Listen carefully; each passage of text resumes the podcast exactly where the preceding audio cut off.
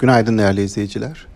E, Borsa İstanbul BIST 100 endeksi dün günü %6 civarında bir yükselişle kapattı.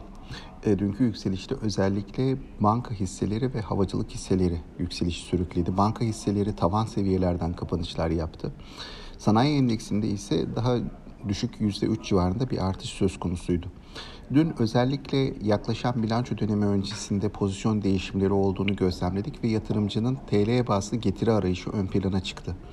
E, yurt dışı tarafında dünkü kapanışlar itibariyle olumlu bir havada olduğunu düşünecek olursak yukarı yönlü eğilimin devam edebileceğini düşünüyoruz. Ancak son dönemde borsada sert hareketler var malum. Sert düzeltmeler gelebiliyor yükselişlerin ardından. Dolayısıyla yatırımcıların bu konuyu da dikkate alarak değerlendirme yapmalarında fayda var diye düşünüyorum. Borsada bilanço beklentilerine baktığımızda 3. çeyreğinde kuvvetli geçeceği anlaşılıyor. Banka tarafında tüfe endeksi menkul kıymet getirileri, sanayi tarafında ise kur tarafında ve enflasyon tarafındaki etkiler ve yine aynı şekilde turizm ve hizmet sektörlerinde özellikle e, turist sayısındaki artışa bağlı olarak olumlu e, rakamlar bilançolara yansımış olacak.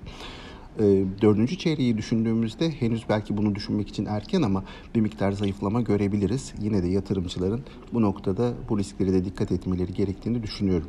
Özetleyecek olursam yatırımcının getiri arayışının, TL bazlı getiri arayışının ön plana çıktığı, alternatiflerin çok da fazla olmadığı, çok da çeşitli olmadığı bir ortamda borsa önemli bir getiri alternatifi olarak ön plana çıkıyor.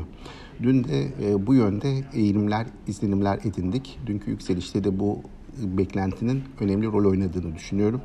Dolayısıyla yatırımcılar bir yandan şirketlerin finansallarına bakarken bir yandan da bu getiri beklentisini e, borsa tarafında en azından sağlamaya çalışıyorlar.